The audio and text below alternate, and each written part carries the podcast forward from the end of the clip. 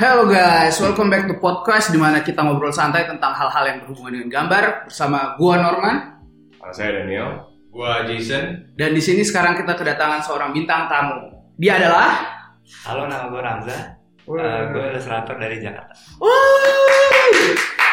Eh, Oke, jadi, jadi kalau kayak gitu kita mulai aja. Um, ceritain tentang diri sendiri dulu deh. Gimana lu cara mulainya di industri ini atau gimana lu mulai gambar? Mungkin legenda lu tuh seperti apa? Uh, mungkin kalau bisa dibilang gue dari kecil emang suka gambar. Tapi gak pernah ngeliat kayak itu tuh sebagai profesi gitu sih. Soalnya emang gue gak tahu kalau ada profesi di bidang itu gitu. Gue kira emang cuma have fun doang. Terus pas SMA gue mulai kayak lebih serius gambar gitu. Tapi tetap itu bukan gue mau jadiin profesi gitu. Dulu tuh gue pengen tetap kayak apa ya? Pengen tetap jadi dokter gitu kayak kayak kata orang-orang kalau dokter tuh pasti sukses atau gimana gitu. Cuma Insinyur. Ya, cuma eh, kayak orang tua gue ngeliat kayak kalau gue tuh nggak cocok jadi dokter kayak emang dari kayak gue harusnya gambar gitu loh. Nah mereka tuh pengen cari tahu dari gambar tuh bisa dapet kerjaan atau enggak gitu. Nah terus kayak eh, dibantuin mereka untuk riset ternyata ada nama DKV gitu kan pas kuliah. Nah jadi pas kuliah tuh gue masuk ke DKV dan kebetulan di kuliah yang gue masuk tuh UMN ada jurusan namanya animasi.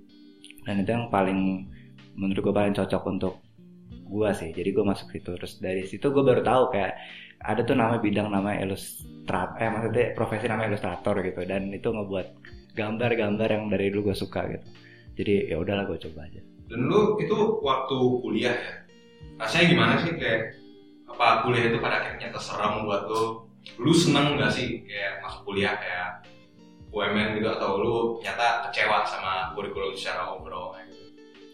Eh, ada di suatu saat gue seneng banget tapi ada juga ya pas gue kayak aduh ngapain sih gue masuk sini kayak harusnya gue nggak usah belajar ini gitu loh untuk hidup gue tapi kayaknya emang perlu perlu aja sih kayak nggak ada kesan apa nggak nyesel atau apa sih apalagi kayak di kuliah lo dapet orang-orang yang sama-sama apa ya punya tujuan yang sama gitu uh, koneksinya juga mungkin. Iya.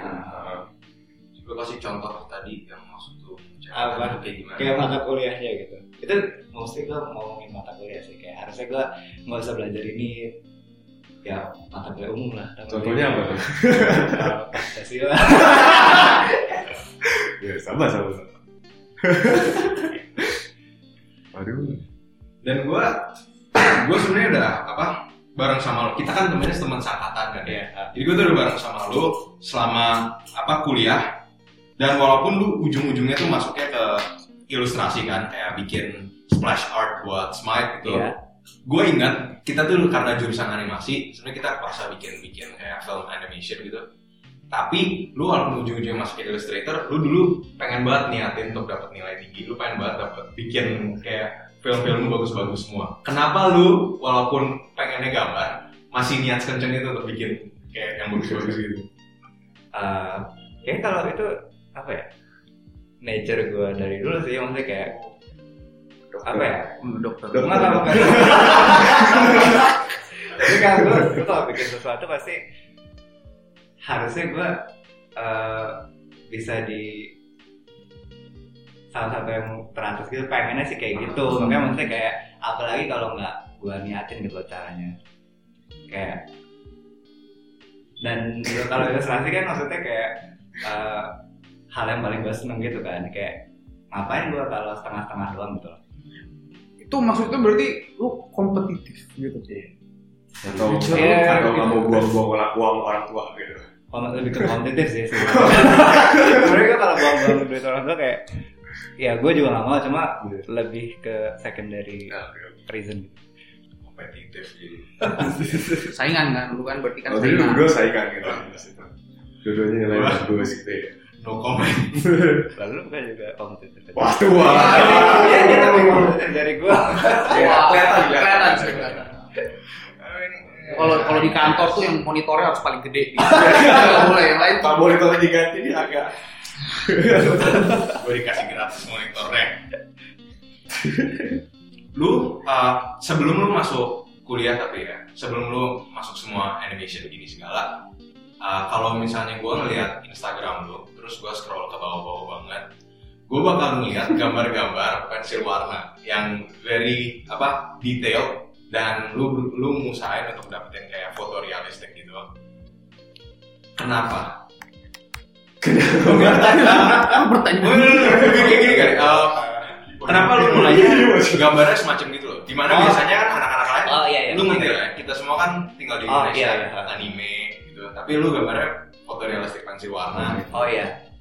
Kayaknya kalau gue jawab itu kayak gue dulu juga berangkat dari anime-animan gitu sih. Itu Hmm. tapi waktu gue SMP, ya SMP sih mostly. Dan pas SMA gue udah lebih tertarik ke pengen coba yang apa ya realistik gitu. Tapi kan yang masih ala kadar gitu pas SMA. Nah, pas kuliah gue dikenalin sama yang namanya eh, pensil warna.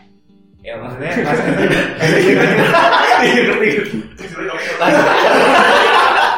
pas SD gue juga udah tahu sih itu maksudnya pas kuliah tuh ternyata warna tuh nggak sekedar yang apa Faber Castell 20 12 pack itu. Ah, tahunya ada yang profesional gitu yang ada warna ini warna itu kayak mirip kopik gitu loh. Iya. bisa cari warna di beberapa apa kayak be- beberapa warna yang spesifik itu nah pas eh, dikenalnya tuh gue kayak wah ini keren nih gue bisa bikin apa pun gitu kan. Nah, terus gue juga di Instagram mau follow yang namanya kalau lo tau nama akunnya tuh arts arts help kayaknya Oh, tahu, booming tahu. banget kan dulu kayak semuanya juga. ngikutin gitu. Nah terus mereka tuh sering ngepost yang gambar-gambar realistik dan pakai batu warna pakai oil painting atau traditional painting. Nah Hmm. kebetulan gue lebih seneng pensil warna jadi gue cobain aja kayak mungkin gue bisa apa ya improve atau apa gitu dari sini Terus hasilnya gimana? Ada ada nggak impact dari lu belajar pensil warna gitu? banyak eh nggak banyak Nggak tapi yang lebih pak yang paling penting gue dapetin kayak digi- pas gue pindah ke digital painting pun gue merhatiin apa ya kayak detail yang bisa didapetin dari pensil warna gitu. Kan stroke kan kecil banget ya pensil Hmm. warna. Dan Nah, kalau digital painting kan lu bisa atur juga kan se- sekecil apa gitu. Nah kan bisa ngikutin gitu gimana tekniknya pas lu pakai pensil warna. Ya, tapi itu gue coba cobain sih gue nggak tahu itu bener atau enggak Jadi lu belajar pensil warna itu dan digital painting tadinya dari intuisi doang gitu. Maksudnya lu nggak ada ngikutin tutorial orang atau gimana? Lu coba-coba Ah. sendiri aja. kalau yang pensil warna bukan tutorial sih gue ngeliat orang bikin YouTube video namanya siapa yang namanya gue lupa deh Eh, pokoknya dia sering banget bikin realistik pensil warna itu bukan tutorial sih kayak cuma time lapse. Tapi pas gue ngeliat kayak gue apa ya, kayak inspired doang gitu sih Oh, Terus tapi- gua ikutin aja coba pensil warna. Kenapa spesifik pensil warna? Gitu? Karena kemarin gue sempat sama Iya. sama Daniel nonton gitu, nonton video.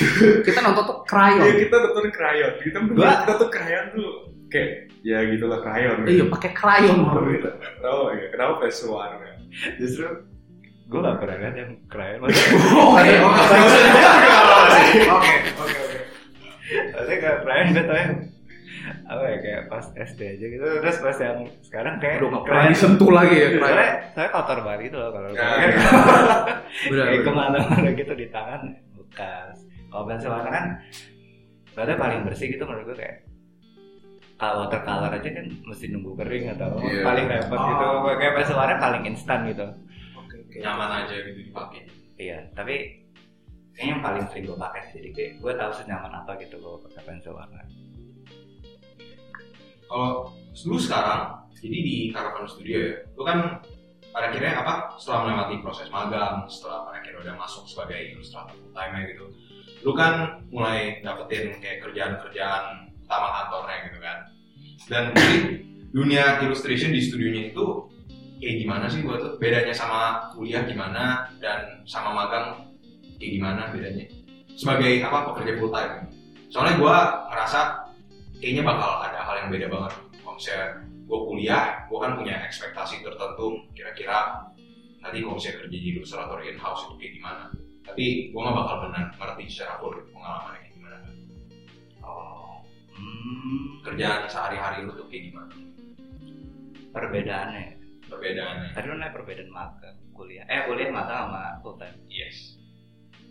Kayak kalau kuliah tuh eh, beda apa yang pertaruhannya sih maksudnya kayak kalau kuliah kan lu pengen lulus Hmm. tapi kalau kerja lu pengen dapat duit kan maksudnya Yes. kayak- Iya. Yes. apalagi lu mesti stay dan nunjukin kerjaan lu tuh yang apa ya the best everyday gitu gak sih kayak maksudnya konsisten lah yang yang penting dan yang apalagi pas pas magang juga. Tapi kalau magang sih lebih kayak tujuannya nunjukin kalau lo tuh mampu gitu loh. Terus mungkin direkrut apa gitu ya. Tahu. terus eh,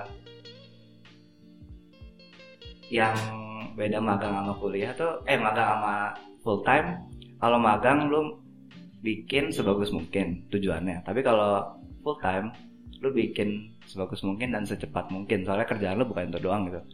Efisien gitu ya. Dan Lebih itu yang banyak tekanan banyak banget. Dan ya itu sih yang paling susah sih yang apa ya mesti keep on time gitu. Tapi mesti uh, bener-bener kualitasnya quality itu mesti naik atau jangan turun sama sekali gitu. Terus sebagai in-house kayak gitu, masih ada feeling kompetitif yang lu ngerasain pas kuliah?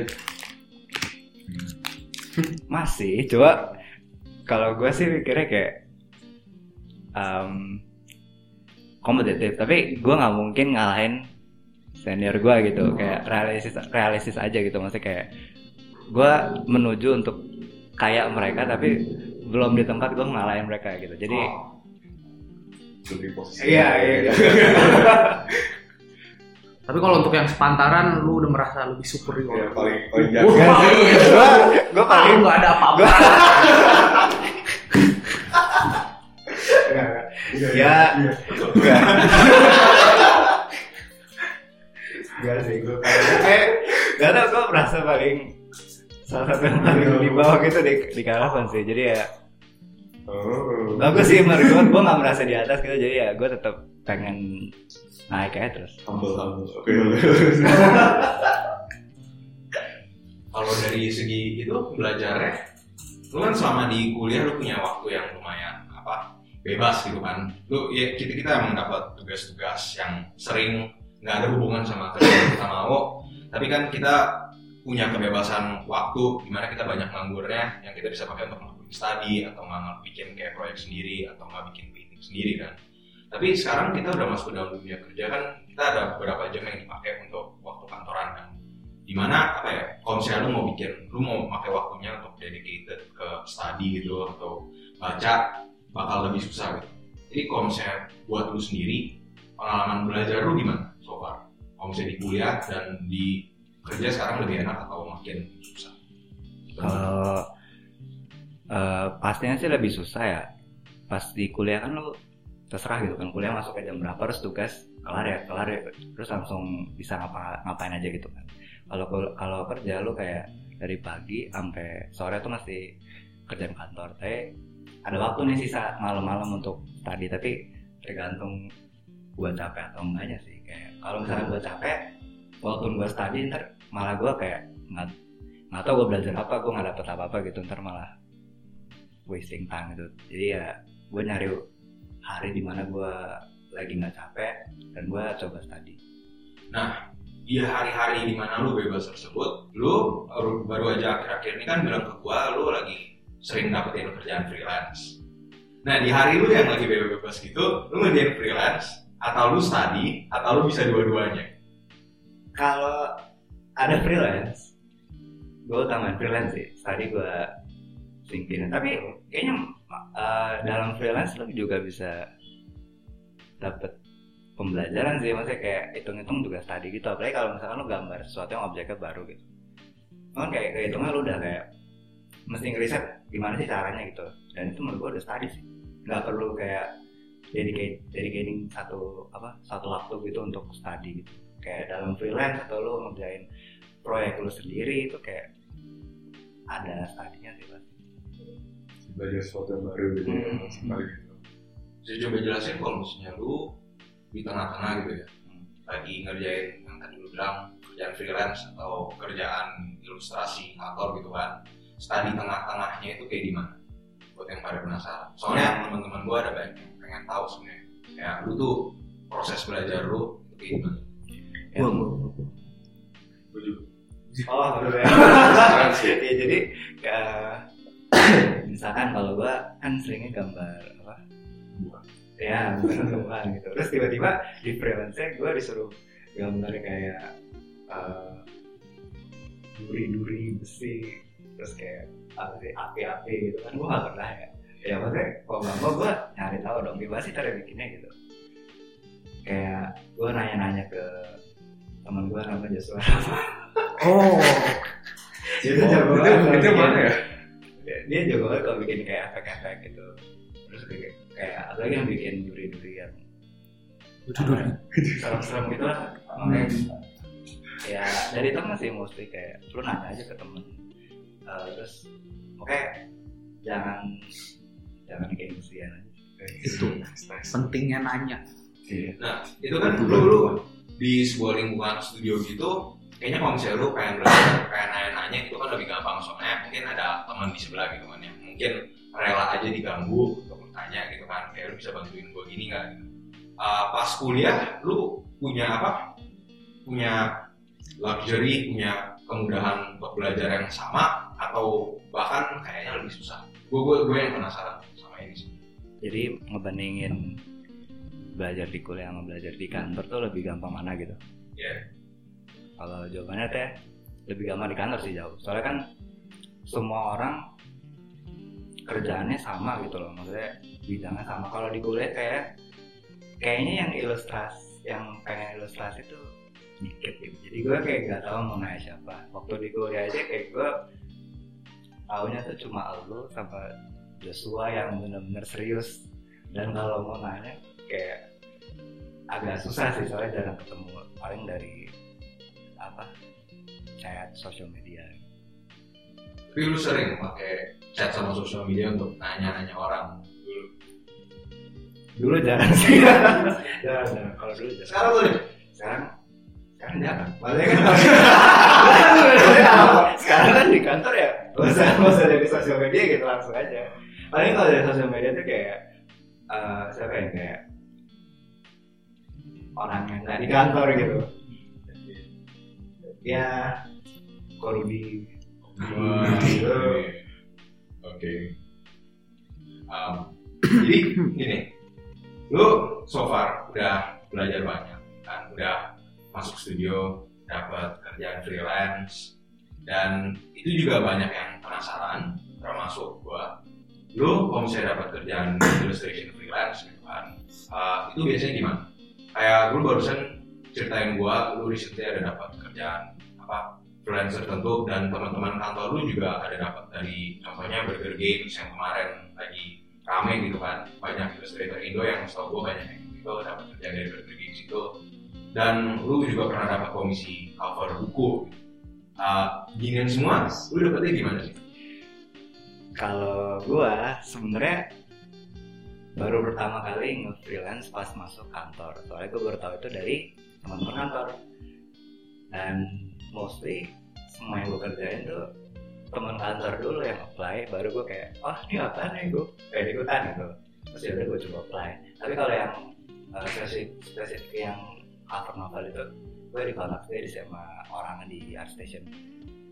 Jadi uh, lu taruh portfolio lu di ArtStation itu ada gunanya juga gitu selain jadi showcase portfolio lu ada yang nge-contact lu untuk kerjaan? Ada sih tapi ya baru itu doang sih. Dan tadi lu ada sempat bilang apply buat freelance. Iya. Nah kebanyakan dari kita tuh kayaknya nggak gitu apa nggak nggak gitu bisa ngerti maksudnya apply buat freelance apa. Gue sendiri termasuk uh, dulu gue mikir kayak oh, kalau misalnya mau kerja freelance berarti lu cuma perlu taruh portfolio di luar dan nunggu amin-amin ada yang datengin lu gitu kan. Lu bisa colong tolong jelasin nggak apply buat freelance ini maksudnya gimana? maksudnya apply buat freelance tuh artinya lo yang ngajuin diri ke studio mereka jadi lu buka website terus lu cari kontaknya terus lu nanya kalau ada apa ya kalau misalkan kita tertarik nih untuk ngerjain proyek lo. Ada lowongan nggak sih untuk freelance gitu? Nih terus kita kasih portfolio kita di situ. Dan itu kontakannya lewat email ya.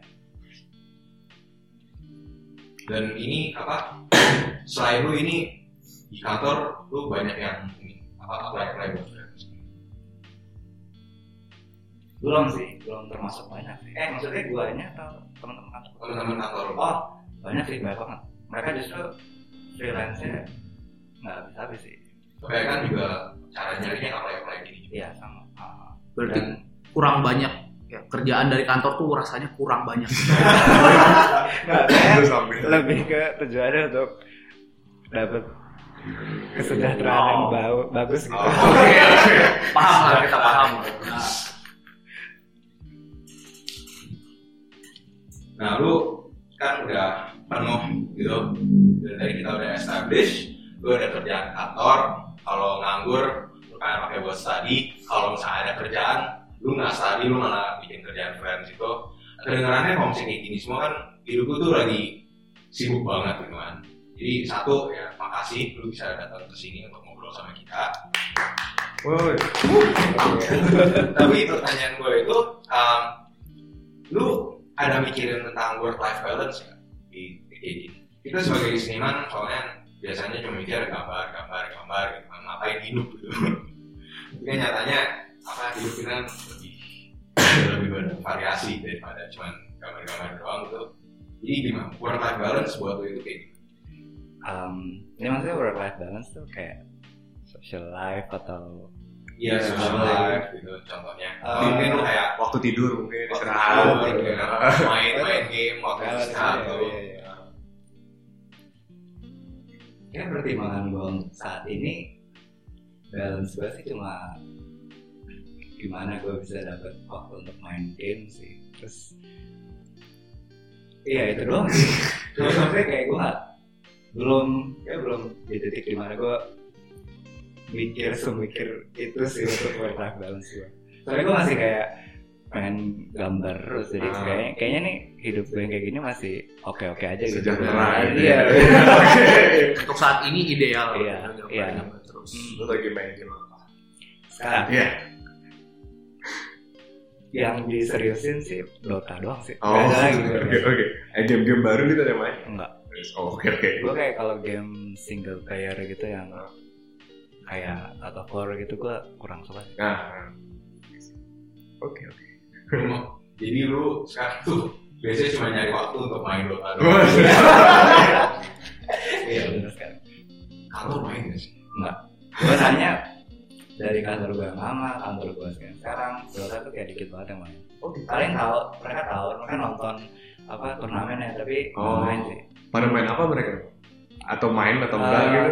Kan. yang sama-sama MOBA biasanya LOL Oh. atau enggak yang apa MOBA HP Oh. Ah, Oke oke. Gitu-gitu Oke. Ah, lu sendiri, jadi lu begini, lu kebanyakan itu kan mainnya cuma Dota doang. Dan dari kata-kata lu, gue asumsi kayaknya bahkan dari dulu mainnya Dota doang kebanyakan. kan? Iya. Games tuh sebenarnya ada influence apa nggak sih ke art lu sama sekali? Eh, nggak terlalu sih paling yang waktu itu gue sempat main Overwatch dan itu Juga main. sangat, menginfluence karena kayak gue nggak dari desainnya sendiri kayak keren banget gitu loh kayak apa ya Enggak, enggak. kayak sci-fi tapi efisien gitu nggak nggak yang over the top gitu Oh. dan itu yang gue suka jadi ya tapi kalau dari pertanyaan lu kayak nggak terlalu banyak influence soalnya gue main game dikit. Dan gue kayak baru pas ngerjain ilustrasi kayak baru dikenalin sama teman-teman gue kalau referensi game tuh banyak dan lu bisa pakai buat ilustrasi lo gitu. Dan dikenalin ada game ini ada game ini ada game ini gitu. Lu kalau misalnya baru-baru banget ini tahu kayak game tuh apa benar-benar bisa jadi influence yang bagus, selama ini yang jadi influence besar lo apa? Untuk gambar, art atau basic inspiration? Eh, biasanya dari ilustrasi ilustrator langsung kayak misalkan mereka lagi ngebuat fan art apa gitu nah gue kayak oh keren nih desainnya tapi gue nggak tahu itu dari game apa maksudnya kalau gue tahu pun gue nggak nggak set sampai segitunya gitu loh Lu biasanya bikin fan art dari fan art. Enggak. bikin fan art dari terinspirasi dari orang bikin fan art. ah, iya, iya. Beda. Bukan, bukan dari Bukan dari langsung, bukan dari gamenya Iya. langsung. Dan kalau gitu ilustrator lain yang selama ini udah kayak inspire lu gitu ya. Ah, influence utama lu itu siapa aja dan gimana? Like, like, gimana, gimana itu ada impact ke gambar lu sendiri? Um, ini yang sekarang kan Oh, beda ya? soalnya kalau gue sih Dua-duanya. sekarang Dua-duanya. Oh, dua ya. Oh kalau yang dulu waktu sebelum gue kenal banyak ilustrator, kenal industri ya gimana gitu gue terinspirasi sama Sakimi Chan. Kalau ya kalau biasanya kalau dilihat dari gambar gue yang dulu banyak banget gue berusaha bikin pin up yang kayak gitu. gitu. Ah. Tapi mau apa skillnya belum sampai ya nggak kayak gitu jadi. Tapi untuk sekarang gue lebih kayak ngeliat oh ternyata lebih uh, apa ya art tuh lebih ba- broad gitu lebih banyak dibandingin Sakti Chan doang. Iya, Lu benar. bisa bikin selain yang pin up gitu jadi kayak gue kayak inspirasinya mem- apa tergeser gitu dari Sakimi. Kalau sekarang sih Raiko Art Raiko. Jalan. Iya. Uh, dia juga bikin pin up sih cuma maksudnya kayak professional worknya juga lebih banyak gitu dia bikin splash art juga terus dia bikin uh, commission dari orang. Dan tapi gimana ya yang bikin gue seneng sih dia tuh keep apa ya kayak style yang dia suka gitu. Kayak orang hire dia bukan untuk bikin satu style yang orangnya mau tapi emang pengennya dia yang style dia gitu. Hmm. Kemarin gue juga lagi nonton apa video tentang Karl Popinski di mana dia ada bilang dulu tuh dia pas pertama masuk ke dalam Games Workshop. Dia diminta kerjain berdasarkan apa yang seniornya mau. Dan apa bagian konsep artisnya juga bahkan tuh dulu apa ya um, lu, lu jarang banget tapi kesempatan untuk jadi konsep gitu kecuali lu naik ke senior gitu. Dan lu cuma bisa naik ke senior kalau misalnya lu bener-bener ngikutin arahan dari atasanmu kayak gimana kan. Terus dia bilang dia lebih senang pas dia keluar terus mendadak ada yang datengin dia dia bilang lu mau nggak kerjain buat kerja buat kita aja gitu loh kita bakal apa ngasih lu kerjaan ya ke- ke- kebebasan lu gitu. Kayak lu mau style gimana terserah lu just do you gitu kan. Ya, ya, ya lu gambar gimana kita maunya gitu. Kita nggak mau lu coba ngikutin gaya lain gitu kan. Kalau lu sekarang lagi apa uh, pengalaman kerja lu kali ini ya sekarang merasa kayak terikat sama gaya-gaya yang dipaksa ke lu gitu karena keperluan kerjaan atau lu justru ini di hire karena gaya gambar lu sendiri. Hmm, so far sih gue ngerasa nggak dua-duanya sih. Kayak mereka nggak pengen gue apa ya terikat sama misalkan lain ini pengennya style kayak gini atau apa kayak agak dibebasin gitu. Cuma guanya sendiri juga nggak terikat sama satu style. Sama maksudnya kayak kalau misalkan gua di situ-situ aja kayak gue nggak eksplor apa-apa sih. Jadi kayaknya gua ikutin yang hari itu gua lagi terinspirasi aja sih ubah-ubah style sesuai dengan kira-kira lu lagi suka apa pada hari itu gitu Iya, dan yang gue mikirnya kayak yang yang paling apa ya desain yang paling cocok untuk kerjaan saat itu aja. Untuk saat ini ya, soalnya kayak gue nggak tahu gue punya style atau enggak gitu. Dia, dia bisa beradaptasi dengan kerjaan-kerjaannya. Kalau gini nih uh, kalau kalau gua tanya gini lu jadi kan ada inspirasi gitu kan saya dari lu, hari ini suka Sakimi-chan terus besoknya lu suka Raiko. Gimana caranya lu nggak masukin apa hal-hal yang lu suka pada gambar itu ke gambar lu sendiri? Em, biasanya gue ngeliat apa ya kayak ngambil satu aspek ya misalkan kayak gimana cara mereka bikin lightingnya? Gimana cara mereka bikin kulit? Kan beda tuh orang apa kayak ilustrator ilustrator ilustrator kalau misalkan mereka bikin kulit orang. Terus gimana cara mereka bikin mukanya? Kayak apa? Matanya segede apa? Terus Iya. atau rambutnya biasanya modelnya tuh kayak apa gitu kan? Punya kecenderungan masing-masing. Nah gue ambil beberapa dari misalkan si Raiko. Gue ngambil cara dia bikin lighting. Dan yang gue tangkap misalkan si Raiko sering bikin apa ya, kayak lighting siang terus kayak ada bounce light kayak gitu. Nah gue coba apply di ilustrasi gue gitu. Gue bisa nggak sih ngikutin kayak gini? Dan kalau emang misalkan gue udah bisa berhasil bikin lighting yang ada bounce lightnya apakah udah mirip sama punya dia? Kan orang bikin bounce light kan juga beda-beda gitu kan. Kayak dicek gitu gimana saturasinya seberapa terus belnya seberapa. Ya intinya kalau misalkan kalau lu ngeliat satu gambar terus lu langsung inget oh ini kayaknya punya kayak apa kayak punya orang gitu. Terus tuh artinya kayak lu udah agak berhasil untuk mengimitasi gambar dia gitu dan menurut gue kayak itu udah cukup sih Jadi buat lu kuncinya itu observasi di gambar orang lain kira-kira mereka tuh ngapain aja gitu dalam Iya. gambar. Mereka mikirnya gimana. Gue inget banget ada satu apa momen gitu di Karavan dulu pas gue juga magang uh, ko Andrew uh, Andrew Chow oh ya dia pernah lagi ng- nganggur aja gitu ngeliatin art station kan kayak ini nih model 3D padahal gitu. kayak ada set design 3D gitu. Gue penasaran kan ini kayak gue gue bolak balik dari ujung ke ujung tapi dia cuma ngeliatin gambar itu doang. Makanya gue tanya lu ngapain sebenarnya sih kok? Gitu. Dia bilang gue cuma penasaran doang ini kenapa kenapa dia bikinnya gini? Gitu. maksudnya gimana? Oh kenapa dia taruh ini di sini kenapa dia taruh itu di situ? Gitu. Mungkin gue itu gila observationnya levelnya dewa banget gitu. Bahkan kayak gambar orang yang 3D aja diperhatiin gitu untuk ngedapetin ini orang kenapa nge-layoutnya dengan cara tertentu Ya. itu gila sih buat lu kayak gitu nggak? iya ah. Lu kayak Tapi- gitu. gue kayak gitu pas gue masuk nggak pas gue masuk harapan sebenarnya maksudnya kayak gue baru tahu kalau kunci untuk gambar bagus tuh ya lo harus jago observasi sih. Kalau lo nggak jago observasi apa, lo kayak cuma ikutin gambar gitu. Mentang-mentang kayak lo nggak tahu itu apa yang bikin gambar itu kayak gitu gitu. Oke, eh, ini ini ini ini menarik sih ya. Gua kalau gitu gua kasih pertanyaan lanjutan lah ya.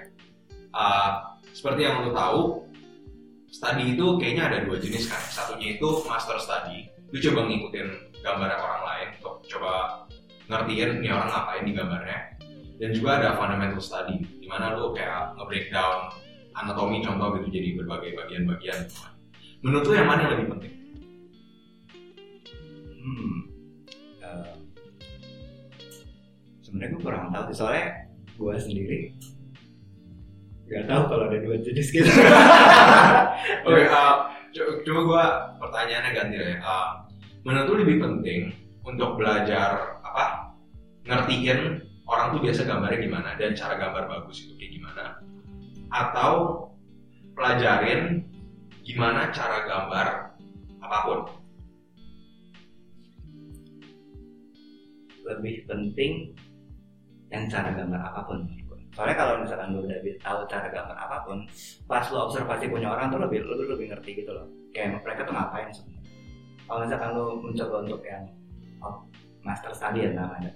Iya. Nah ya kalau misalkan master study dulu tapi lu belum bisa kayak fleksibel mau gambar apa kayak lu ngerti cuma pas lu aplikasi kok beda ya gitu. susah Ah, beda sih. ini orang jago dan dia nggak tahu istilah master study lihat guys Hmm. Gak apa-apa kok. perlu tahu. Jadi uh, contoh gambar itu sebenarnya nggak sepenting belajar gambar itu sendiri. Iya. Oke. Nah, gua, gua, gua, kita kita semua juga kayaknya setuju sama lu sih. Apa poin yang ini? Yep. Oke. ah kalau gitu sekarang lu di titik di mana mungkin lu udah agak lu puas gak sih sama gambar lu sendiri? Enggak. Enggak. Oke. um, tapi lu ngerasa lu di titik di mana lu bisa gambar secara profesional. Pasti ada standar Iya, sendiri iya, iya, kan. iya, iya. Dari apa mungkin lu yang dulu gitu. Ah, iya. Kalau misalnya lu bisa apa? Time travel gitu ke masa lalu gitu kan. Gue baru mau nanyain. Iya? Gue tuh mau siapin. Ntar deh, ntar deh. Iya, iya. Kalau lu bisa apa? Loncat ke masa lalu gitu. Ke lu pas let's say 5 tahun yang lalu dan lu let's say 10 tahun yang lalu lu bakal ngasih tahu dia apa? Kasih advice apa gitu ke Iya. Ramza yang masih gambar pakai pensil warna. Oh, yang mau jadi dokter itu Yang mau jadi gue mau ngasih tau kalau Artinya kalau lima tahun yang lalu pas gue SMA ya Iya? 5 tahun yang lalu kita kuliah kan? Pak, anggap pas baru masuk kuliah deh. baru masuk Baru- kuliah. baru Ini tahun masuk. 2020. Gue bakal bilang buat gue kalau Gue tuh cocoknya di ilustrasi Dan Oh. ilustrasi tuh bidang yang memungkinkan di sini gitu Dibandingin animasi Dan menurut gue kayak walaupun lu masuk jurusan animasi Lu harus coba gambar terus sih Saya waktu gue kuliah gue jujur kayak Gue gak terlalu gambar Dan gue nyesel kan Tapi gue kayak lebih ngejar nilai yang nggak selalu menggambar gitu. Pas di kuliah gitu. Iya.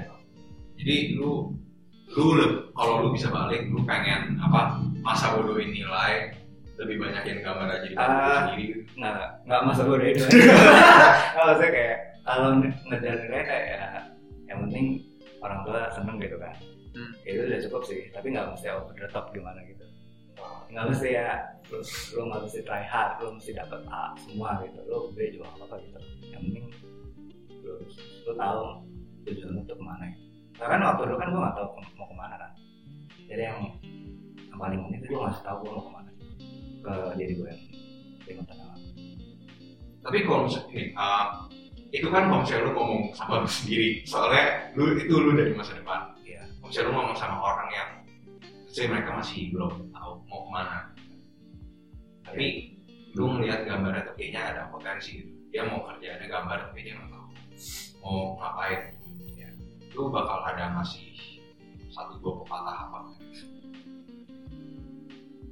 jangan berhenti gambar sih maksudnya em, gambar terus walaupun lu kayak nggak tahu nih gambar mau dibawa ke mana gitu. Oh, lu nggak tahu mau gambar jenisnya kayak gimana. Tapi lu terus-terus gambar aja. kalau dari gue ya. tapi kalau misalkan ya kan gue nggak tahu ya dia sukanya kayak gimana gitu apakah dia ngeliat gambar itu sendiri kayak serius itu atau kalau misalkan emang serius itu ya itu ada gambarnya Tapi karena dia perlu gambar terus berarti mungkin inti dari advice-nya itu tuh gambar apa yang lu suka terus terusan.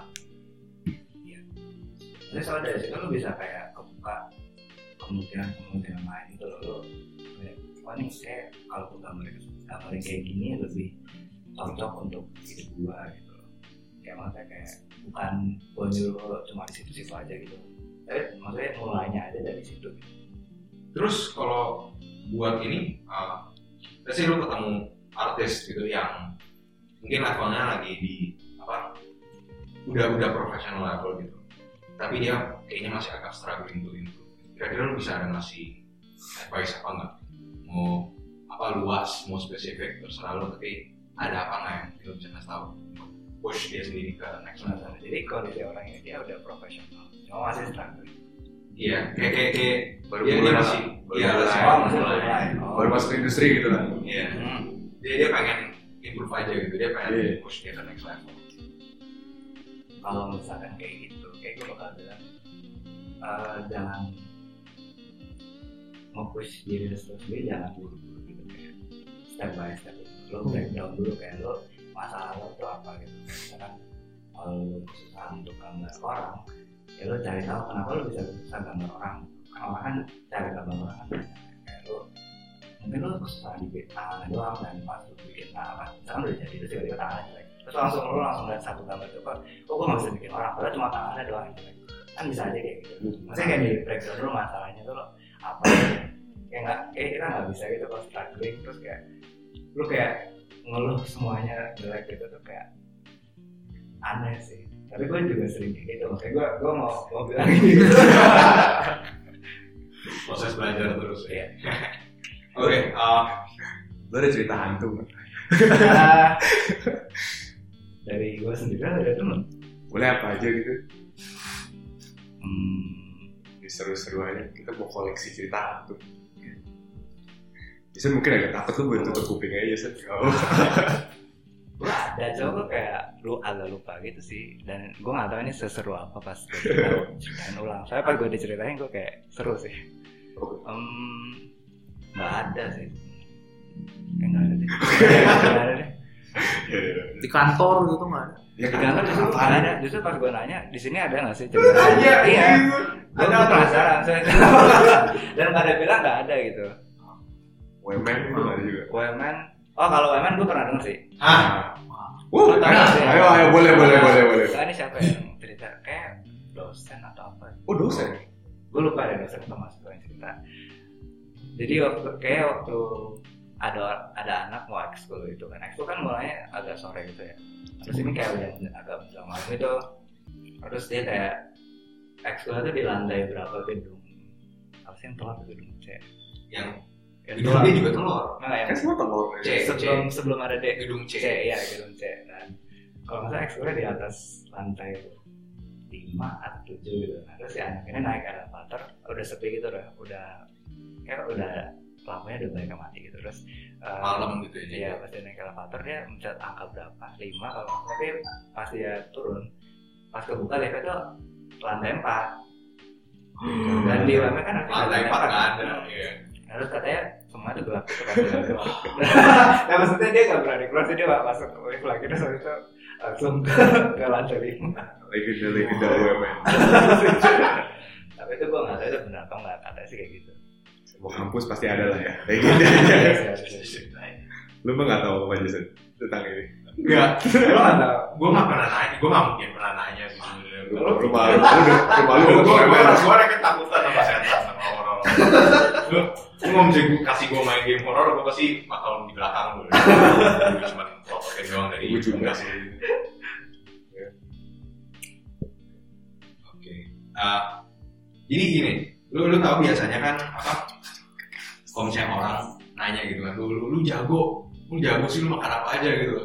iya Jadi pertanyaan gua, lu makan apa aja? Makanan favorit lu apa deh? Biar Oh. jago gambar ya. Biar jatuh dong.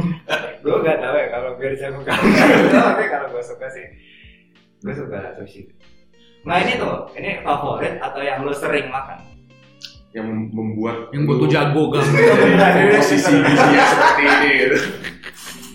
artinya yang sering ya Eh, Hmm. Eh, Favorit dan sering ya. ya?